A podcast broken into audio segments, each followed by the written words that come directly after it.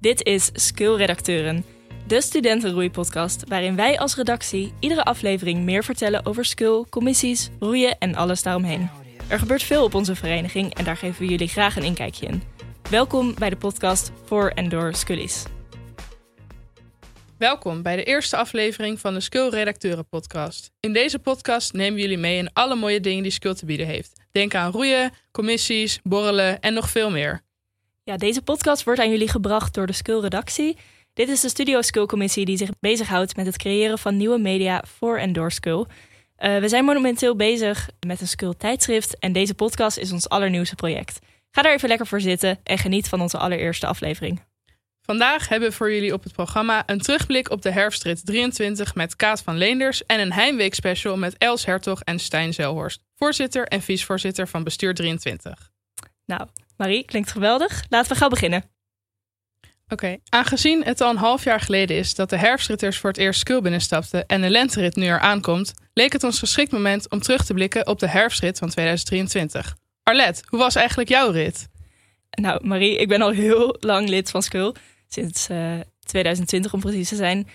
En jullie zullen je vast herinneren, dat was het coronajaar en ik had geen rit. Maar ik heb gehoord dat het heel leuk is. Ik heb het ook wel uh, van een afstandje gezien de afgelopen jaren. Maar uh, ja, nou, heb er zelf geen grote herinneringen aan. We gaan het horen. deze terugblik kan natuurlijk niet zonder iemand die zeer betrokken is geweest bij de rit. We hebben het natuurlijk over ritcomlid Kaat van Leenders. Welkom Kaat. Hoi. Hey Kaat, wat leuk dat je er bent. Um, Kaat, wil jij je even introduceren aan de luisteraars? Uh, wanneer ben jij lid geworden? Wat voor commissies doe je op Skul? Wat doe je nu op Skul? Ja, roeien. En natuurlijk, wat hield jouw functie in de Ritcom in? Ja, um, nou, ik ben dus Kaat. Ik zit bij Skul sinds herfstrit 21. Toen heb ik twee jaar gewedstrijd roeid. En nu coach ik de eerstejaars lichte dames en ben ik voorzitter van Studio Skul. En ja, mijn functie binnen de rit was hoofdroeien. Het wedstrijdroeien zal het al een beetje zeggen.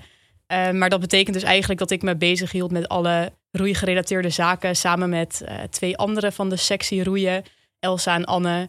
En zorgden we dat alle ritters uh, veilig het water op konden voor de eerste keer in een C4 varen. Maar ook dat er tegen ze geschreeuwd werd bij het herindelingsweekend op de Ergo. Ja, wat gaaf. Wel even stevig in je schoenen staan, klinkt dit. Schreeuwen tegen mensen bij het herindelingsweekend. Wat was jouw lievelingsmoment gedurende de rit? Jouw, jouw beste herinneringen aan deze periode? Um, nou, we hadden het dus al over schreeuwen tegen ergo en de mensen. Maar we hebben ook in het uh, ritweekend ochtendgymnastiek gedaan. Toen mocht ik met een toeter tegen mensen schreeuwen die één uur hadden geslapen dat ze burpees moesten doen. Oh. En dat vond ik eigenlijk stiekem toch wel heel erg leuk. Um, vooral omdat iedereen zo erg in de war was dat ik daar aan het rondrennen was. Terwijl zij allemaal net uit hun bed kwamen. Uh, dat was gewoon heel erg leuk. Maar ook sowieso alle roeidingen vind ik altijd heel erg leuk om bij te zijn. En uh, de vlotdiensten waren ook altijd heel gezellig. Ja, dit, ja, dit klinkt superleuk. Ik denk alle 2023 ritters zullen hier vast nou, lachend op terugkijken. En, of uh, lichtelijk getraumatiseerd. Of lichtelijk getraumatiseerd, nou ja, weet je. Uh, ja, en dan om nu nog misschien verder terug te blikken. Wat was voor jou het hoogtepunt van jouw eigen rit in 2021? Nou ja, ik had in 2021 wel een rit, maar nou, er was nog wel natuurlijk een beetje corona. Dus we hadden zitborrels. En ik deed zelf ook preselectie tijdens de rit. Dus dat was wel iets minder intens dan de ritperiode die ik nu zelf natuurlijk heb begeleid. Maar het hoogtepunt vind ik een erg moeilijke vraag. En ik heb echt even geen idee.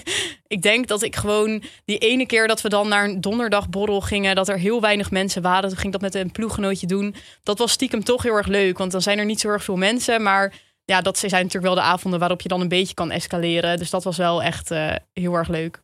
Ja, ik meen me inderdaad te herinneren dat de borrels zagen er toen uit. Nou ja, vaak op het balkon en dan op zo'n picknicktafel met z'n vieren op afstand. En OW op als je opstond, want het waren zitborrels. En um, ja, niet mengen. Oké, okay. we hebben ook uh, vragen binnengekregen van onze luisteraars. Kaat, aan jou. Die pak ik er heel even bij terwijl jij bezig bent. Ik heb nog wel nog een vraag over dus jouw rit. Of eigenlijk een soort vergelijking. Want hoe heb jij het verschil ervaren tussen zelfritter zijn en ritcom zijn? Uh, was daar een groot verschil tussen of vond je dat eigenlijk enigszins ook wel vergelijkbaar?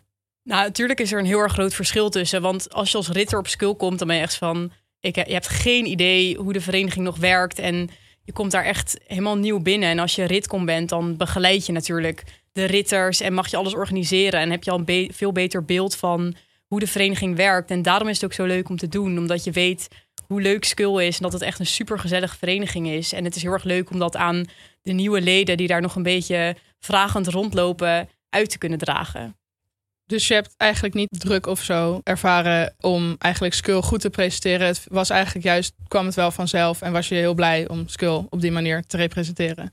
Ja, ik heb niet per se inderdaad druk ervaren om Skull goed te representeren, denk ik. Het was vooral, het, met je commissie komt het ook allemaal wel en doe je gewoon sowieso je best om een hele leuke periode neer te zetten. En natuurlijk moet je soms een beetje letten op dat je een beetje Skull representatief overkomt. Maar ik denk dat dat ook wel heel erg vanzelf komt, zeker door zo'n periode heen. Het was meer druk om te zorgen dat we ook een beetje winst ophaalden met uh, de knakworstbroodjes op de borrel, zeg maar.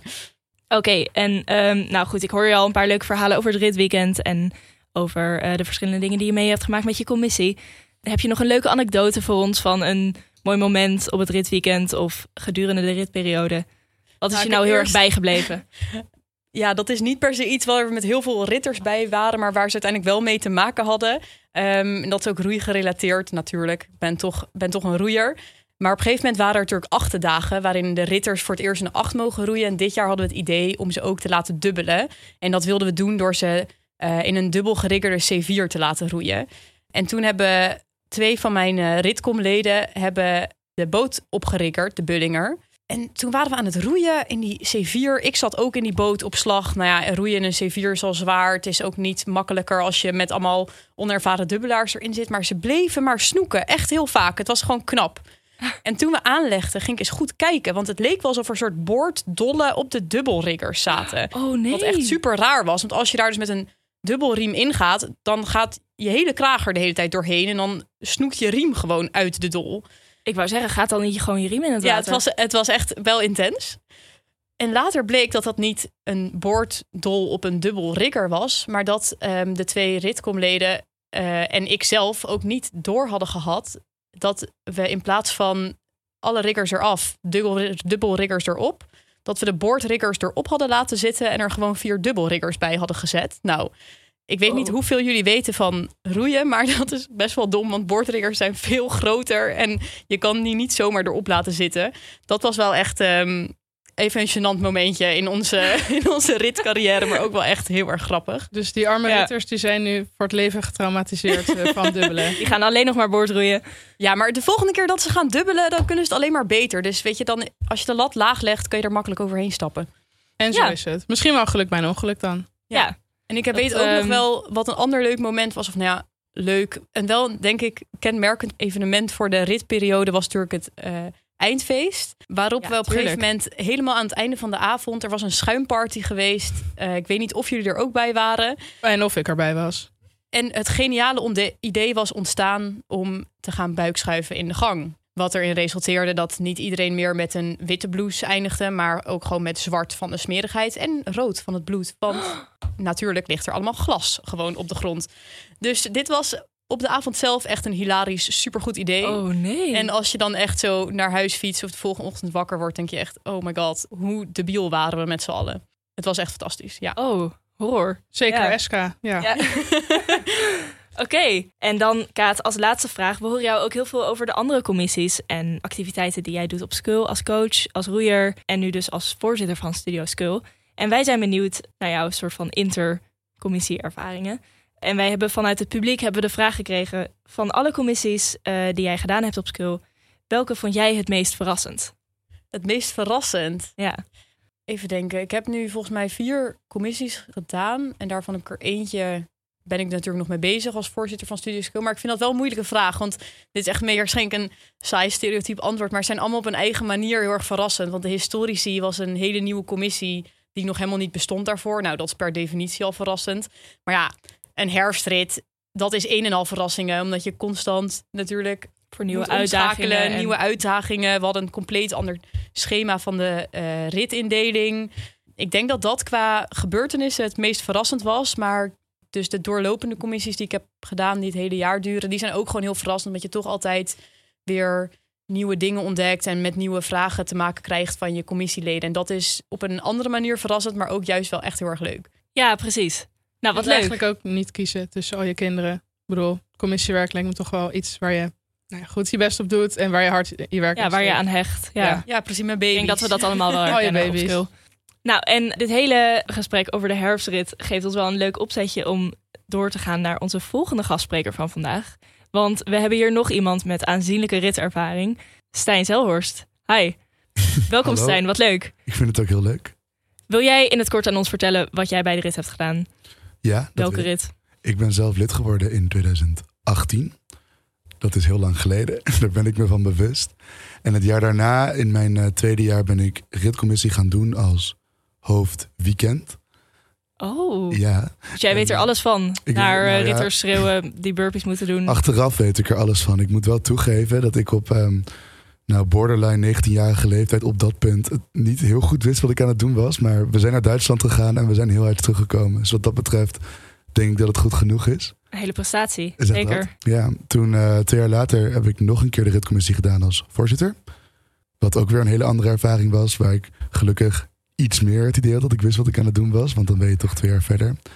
Dus uiteindelijk twee keer de commissie gedaan als commissielid. En afgelopen jaar natuurlijk als bestuurder de rit meegemaakt. En ook de herfst- en lente onder mijn portefeuille gehad als vicevoorzitter. Dus Tuurlijk, ik ja. heb het een en ander gezien.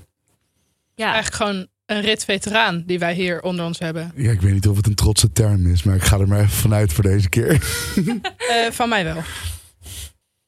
Oké, nou dan gaan we door naar onze volgende twee gastsprekers.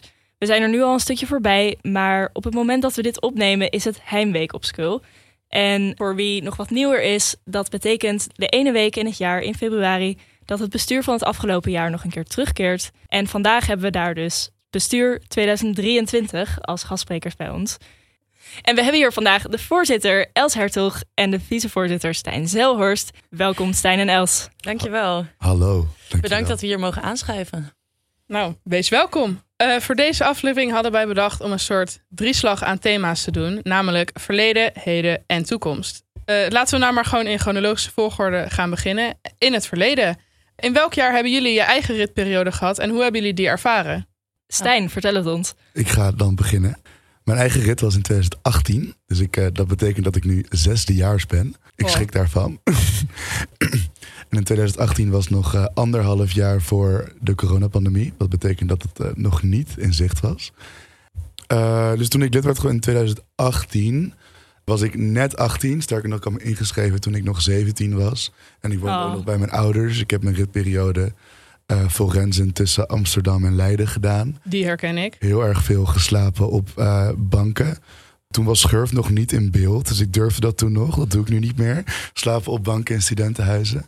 Waar kwam de keuze vandaan om naar school te gaan, specifiek, als je in Leiden woonde? Ja, nou dat is wel grappig. Ik ging in Amsterdam studeren op mijn studie was hier en ik heb gekeken wat ik wilde. En ik heb de klassieke afweging in Neerhuis en Skul wel gehad. En ik kom ook van de middelbare school terecht, waar ehm, als je geslaagd wordt op de middelbare school, krijg je drie vragen. Het is wat, waar ga je heen, wat ga je studeren en waar word je lid? Dat was eigenlijk hoe dat ging. En waarom is het Minerva? Ja, en, en, en waarom niet Minerva? Dat is exact waar dat, hoe dat zit. Dus de, de eerste keuze waar ik eh, voor het eerst langs ben gegaan was bij Neerhuis. Ik heb daar gekeken, bedacht dat het niet helemaal mijn omgeving was. En heb me toen blind ingeschreven bij Skul. En eh, dat is eh, bevallen. Nou, gelukkig. fijn, dat vertrouwen. Goed hè? Dat doet me goed. Ja. En Els? Eh, ja, Ehm, over mijn rit bedoel je? Ja, klopt. Nou, ik ben eh, een jaar later lid geworden dan Stijn in 2019, herfstrit 2019. Ehm, ja, ik, eh, ik kwam te wonen in een eh, huis op Uilenstede met echt ja, heel veel scullies. En zij zeiden me eigenlijk, ga even langs. Het is nu nog in week. Het zijn er hartstikke veel leuke feesten. Dus toen ben ik daar ook heen geweest samen met een van mijn huisgenoten, Daniel Belen. En hebben we ons eigenlijk ingeschreven omdat we geen nee durfden te zeggen tegen Jalien. Die stond daar achter een tafel en die zei... Oh, maar wil je anders gelijk inschrijven? En wij dachten, ja, kut. Oh. nee, ja. Ik kan me wel voorstellen dat je geen nee kan zeggen tegen. Nee, precies. Dus toen eh, werd het, eh, ja, prima. Toen hebben we ons ingeschreven en toen kon je eigenlijk niet meer terug. Ja, en eh, de, de rit zelf vond ik echt eh, heel erg leuk. Ik had echt een heel leuk ploegje. Eh, ik zat toen in het, eh, in het potentieploegje, zoals dat werd genoemd, Dames 7. En eh, dat was echt super gezellig. Zijn dat mensen waar je nog steeds contact mee hebt? Eh, nou, er zijn wel een aantal meiden nog steeds lid ook. Um, Noor de Boer bijvoorbeeld. Eh, en Iris Peters, die zit nu eh, in het bestuur. Ja, wat leuk. Dus, dat is wel heel grappig. Ehm, ja, en toen ben ik eigenlijk een beetje de selecties ingerold. daar ergens tijdens de ritperiode. Dus ehm, een beetje vanaf het einde heb ik niet meer echt alle feesten meegepakt. Maar aan het begin vond ik dat zeker echt fantastisch. Ja, nou leuk om te horen allebei.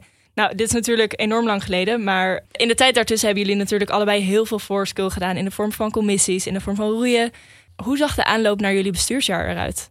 Waar kwam de keuze vandaan, het idee? Zal ik dan beginnen? Ik was dit geworden dus in 2018, dus dat is al wel eens even geleden. En ik had eigenlijk op dat punt al wel bedacht dat het wel iets voor mij zou zijn om organisatorische dingen op de vereniging te gaan doen. En of dat zou uitlopen tot een bestuursjaar, dat ging ik wel zien. En eigenlijk werd die gedachte de eerste jaren bevestigd dat ik dat wel een keer wilde. Dus het was een beetje wachten tot het een moment zou zijn waarop ik dat logisch vond en genoeg ervaring zou hebben en mezelf er oud genoeg voor zou vinden.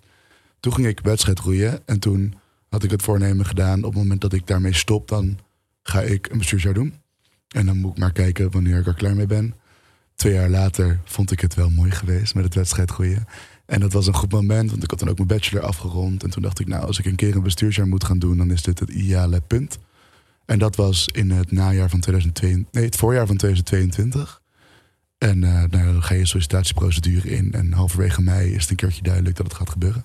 Ja, ja, en voor jou, Els, want dat is natuurlijk nog net een beetje anders. Als je voor voorzitter gaat, dan ga je iets eerder dat proces in. Dan Ja. ziet de sollicitatieprocedure ook iets anders uit. Hoe heb je dat ervaren toen? Ja, klopt.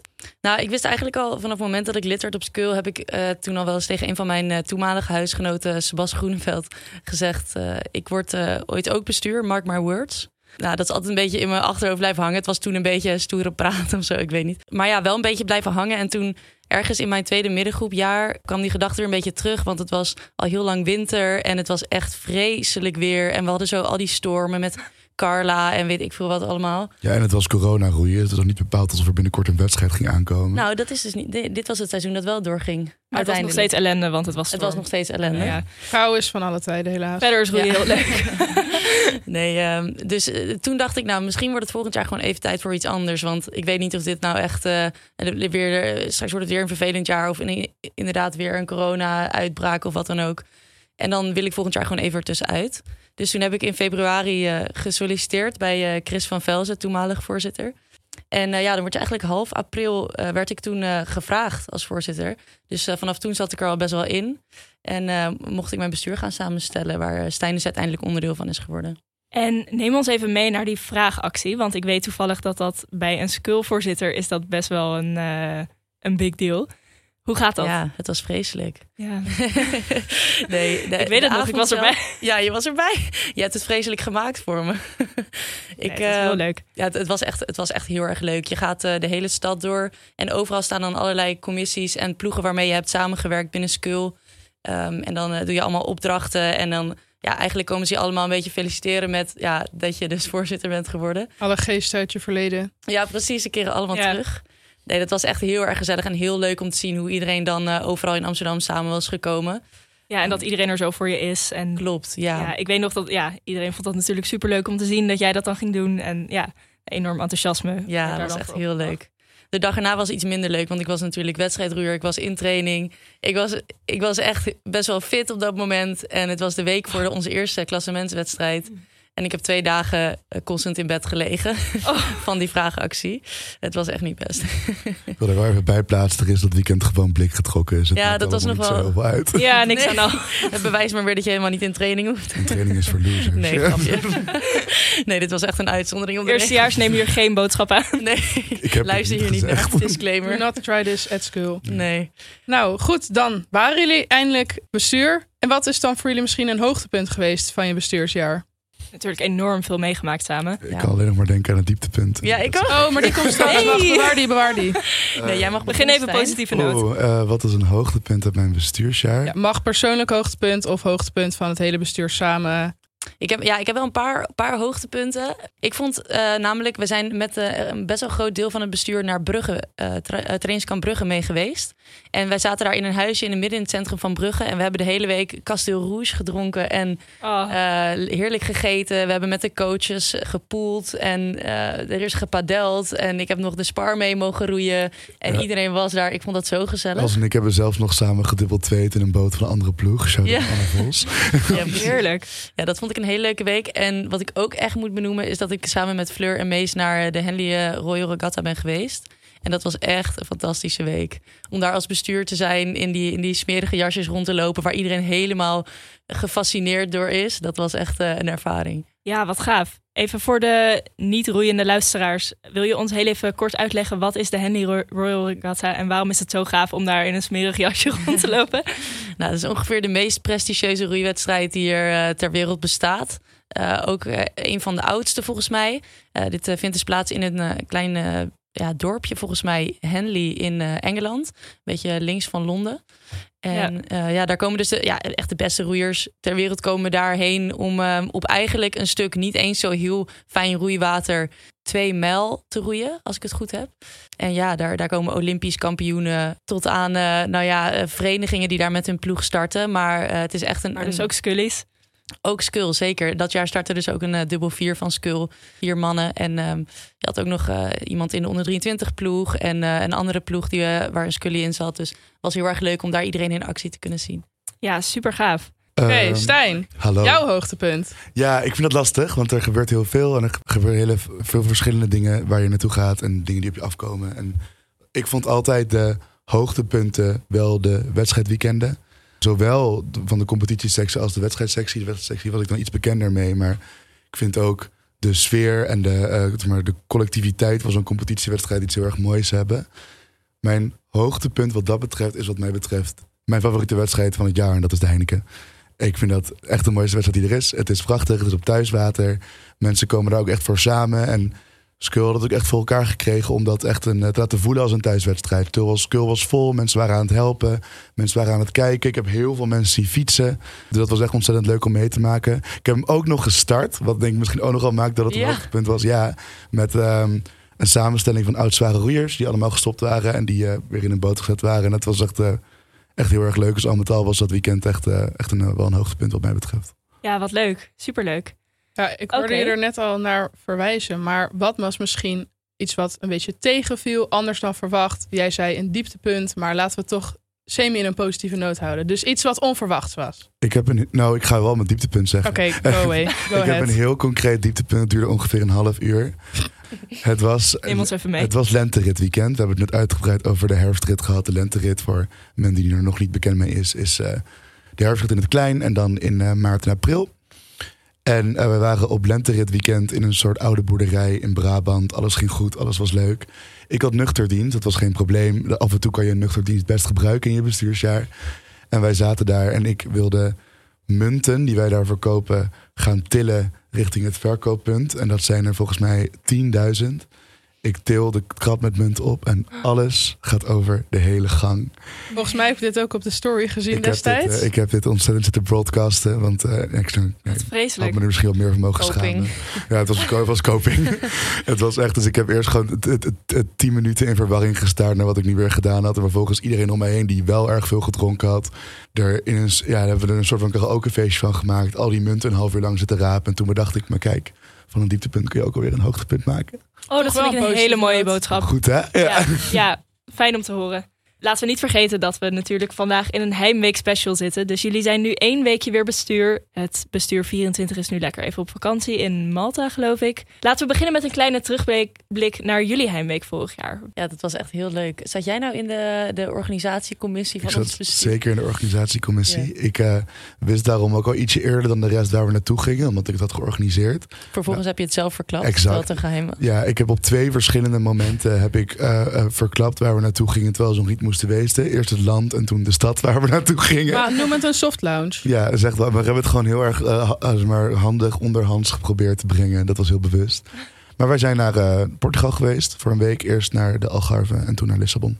Oh, heerlijk. Wat Ja, het leuk. was echt onwijs gezellig. Was ook ja, in Lissabon nog een beetje zo dan eh, een beetje uitgaan meegepakt. En eh, gewoon een stad verkennen. En in de Algarve hebben we ook gesurfd nog. Ja, En Oh. aan het zwembad ge- eh, gezeten. En ik had een nieuwe bikini gekocht, maar bleek 15 graden en bewolkt te zijn. Dus ik heb hem niet heel vaak aangehad. wat ik het Oh. leuke aan de heimweek vond op dat punt was dat eh, je bent heel close aan het worden. Maar dat heb je niet helemaal door. Maar dat doe je allemaal binnen een heel soort afgesloten context.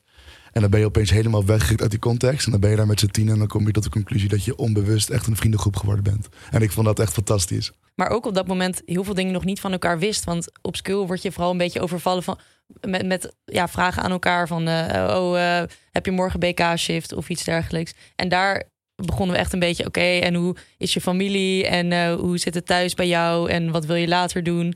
De- heel ander soort gesprekken kwamen daar. Dat vond ik echt heel mooi. Ja, ze zeggen ook altijd met bestuur maak je vrienden voor je leven. En eh, Ja, ik absoluut. denk dat dat daar een beetje tot zijn uiting komt. Ja, zeker. Maar ik ben toch wel benieuwd. Hebben jullie nog iets wat achter de schermen gebeurd is, wat jullie niet naar buiten hebben gebracht, wat misschien toch wel grappig is om even te benoemen? Ja, ik ja, heb iets leuks wat jullie met de groep willen delen. Ja, Ja. tijdens de Heimweek of tijdens de rest van het bestuursjaar. Nou, ik, ik wa- we hebben de Heimweek specials. Ik help de Heimweek special. Wij waren in Lissabon en wij waren. eh, het was carnaval daar op dat punt. En dat wordt op een specifieke manier gevierd daar. Dus wij waren op straat een beetje, een beetje cider aan het drinken en een beetje ons best aan het doen. En toen hadden we Canadese vrienden gemaakt. Of in ieder geval een aantal van hadden Canadese vrienden gemaakt. En daar gingen we mee op pad. En toen, ik ga Jimmy een heel klein beetje voor de bus gooien, maar ik denk dat hij dit erg vindt. Toen eh, had Jim het geniale plan om onze nieuwe Canadese vrienden te introduceren aan een, een nieuw Hollandse gewoonte. Of in ieder geval eentje die wij en voornamelijk Jimmy hadden geïntroduceerd, namelijk blikkoppen. Dus ik heb nog een beeld voor me dat wij met eh Canadees die we net hebben ontmoet, Jim ze vertelt: oké, hier heb je een halve liter bier. En je gaat net zo lang tegen, met, je met je hoofd tegen het bier slaan. totdat het blik kapot is. En ik herinner me nog de blik van die Canadezen: van, kunnen wij weg hier? Is dit wat er gaat gebeuren? Oh maar we hebben ze zover gekregen, ze hebben het gedaan. Echt? Ja. Oh, Echt eh, overtuigingsvermogen van Skull. Het is een, eh, het is een retorisch wonder. Ja. prachtig. Ja, goed verhaal. Oké, om dan hem even door te linken naar de Heimweek van dit jaar natuurlijk. Hoe bevalt het om weer terug te zijn? Is het wat jullie ervan hadden verwacht? Is het weer, ja, Ze noemen het ook wel traumatherapie. Eh, je moet soms even je moet blootgesteld worden aan dingen Ja. die heel erg veel indruk bij hebben gemaakt om het te kunnen verzachten. Ik denk Ja. dat het daarom dat we dit ook doen. Ja, het is wel een hele andere ervaring nu natuurlijk. We hebben allemaal studie, werk, eh, allemaal andere dingen in ons leven op dit moment. En dan staat het opeens anderhalve week weer heel erg in het teken van skill. En ben je weer even verantwoordelijk voor dingen. Nou, dat is wel even wennen voor Ja, en vooral, kijk, eh, ehm, bestuurstaken zijn best wel druk, maar ze zijn wel heel goed in te plannen rondom je skulltaken heen. En ze overlappen ook heel vaak met de dingen die je daar doet. Ehm, ik had me eigenlijk voorgenomen niet meer brak van een dinsdagborrel naar hoorcollege te gaan. En hier ben ik dan toch, zit ik daar weer. Dus wat dat betreft vind ik het wel echt best, ja, best wel lastig. Want ik moet gewoon deadlines maken en dat is, komt niet helemaal overeen met een week maximaal rellen. Nou, klinkt goed allemaal. Dan komen we nu aan bij het einde van het drieslag, de toekomst. Wat zijn jullie plannen de komende tijd? Na de Heimweek natuurlijk. Eh, waar zijn jullie mee bezig? Roeien, commissies, et cetera. Vertel op. Eh, zal ik dan eh, beginnen deze keer? Dat is goed. Ehm, nou, ik ben eh, momenteel weer gaan wedstrijd roeien na mijn bestuursjaar. Dus eh, dat doe ik op dit moment. En dat ga ik dus ook komend roeiseizoen doen. En ik eh, weet eigenlijk stiekem ook al wel dat ik dat het jaar daarna ook nog wil doen. Want ik vind het nog veel te leuk. Oh, dus ik, eh, ik ga voorlopig nog eh, in de boot zitten. Eh, maar daarna ja, denk ik dat ik nog wel eh, graag zou willen coachen, een wedstrijdploeg. Ja, wat leuk. Heb je al een eh, idee van wie je dan zou willen coachen of wat je dan zou willen doen? Je blijft in ieder geval nog wel een tijdje op skill als ik dat zo hoor. Ja, ja, dat denk ik wel. Ehm, ik, ik, ik heb nog niet echt een voorkeur voor wie ik zou willen coachen. Maar eh, dat, dat zien we dan wel weer waar er plek is. eh. Dus je hoort Ja. het wedstrijdroeiers. Je, je kunt de, de grote voorzitter van 2023 gewoon als jouw coach hebben. Ja, Ja, daar spreek zou ik er een keer aan op de bosbaan. Je staat er altijd voor open. Ik kijk er even aan. Ik Ja, denk sowieso, wel. natuurlijk. Ja. Oké, en dan Stijn. Waar ben jij nu mee bezig op skill en waar wil jij de komende jaren nog je mee bezighouden? Ik mis het roeien ook, maar ik mis het roeien niet zodanig dat ik het weer zag zitten om eh, het wedstrijdroeiregime weer het mijne te maken. Dus ik ben gaan coachen. Dat is ook een klassiek Ja. vervolg. Ja, ik zie, kijk Arlet aan, ik coach met Arlet. Dus dat ja, scheelt. het is ontzettend Het is gezellig. ontzettend leuk. Wij coachen de middengroep eh, zware mannen. Eh, dus eh, dit aankomend weekend ik eh, aan de kant roepen wat ze moeten doen, terwijl Els zelf de baan overgaat. Dus het leven gaat door in het Yep. komend seizoen. Ik coach dit jaar sowieso nog. En ik denk dat zolang ik studeer, en ik doe een tweejarige master, dus volgend jaar ook nog, dat ik sowieso al blijf coachen. Dus dan, ehm, en dan ben ik ook alweer zevende jaar. Dus in hoeverre ik de, dan nog blijf hangen, moet ik even kijken. Maar dat moet ik nog zien. Je kan er ook een tweede lustrum van maken natuurlijk. Ja, het, het kan zeker. Ja. ik zie het je ergens nog wel doen. Nou, jullie hebben overduidelijk eh, niet stilgezeten. En wij zijn ontzettend blij om te horen dat we nog lang niet van jullie af zijn op skill. Hartstikke goed. Ehm, nou, heel erg leuk om te horen allemaal. Ik, dit was alles van onze kant volgens mij. Ontzettend bedankt voor jullie tijd. En eh, ja, succes deze week nog even.